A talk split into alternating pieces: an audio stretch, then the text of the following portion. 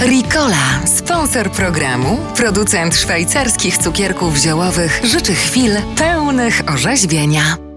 Ziołowe inspiracje w RMF Classic. W poprzednich odcinkach wspominaliśmy, że niezwykłe właściwości ziół doceniali już starożytni Egipcjanie, a współcześnie wykorzystujemy je w herbatach czy kosmetykach. Przykładowo w Szwajcarii, w centrum zielarskim w Laufen, rocznie przetwarza się około 1400 ton świeżych ziół. Każdy z nas styka się z ziołami na co dzień. Znamy je jako rośliny wspomagające nasz organizm, ale też nie możemy się bez nich obyć w kuchni, bo są popularnymi przyprawami.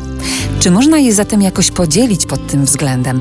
Pytam o to znawcę ziół Michała Dewuckiego z wrocławskich ogrodów ziołowych. Oczywiście i takie, i takie właściwości e, posiada większość ziół.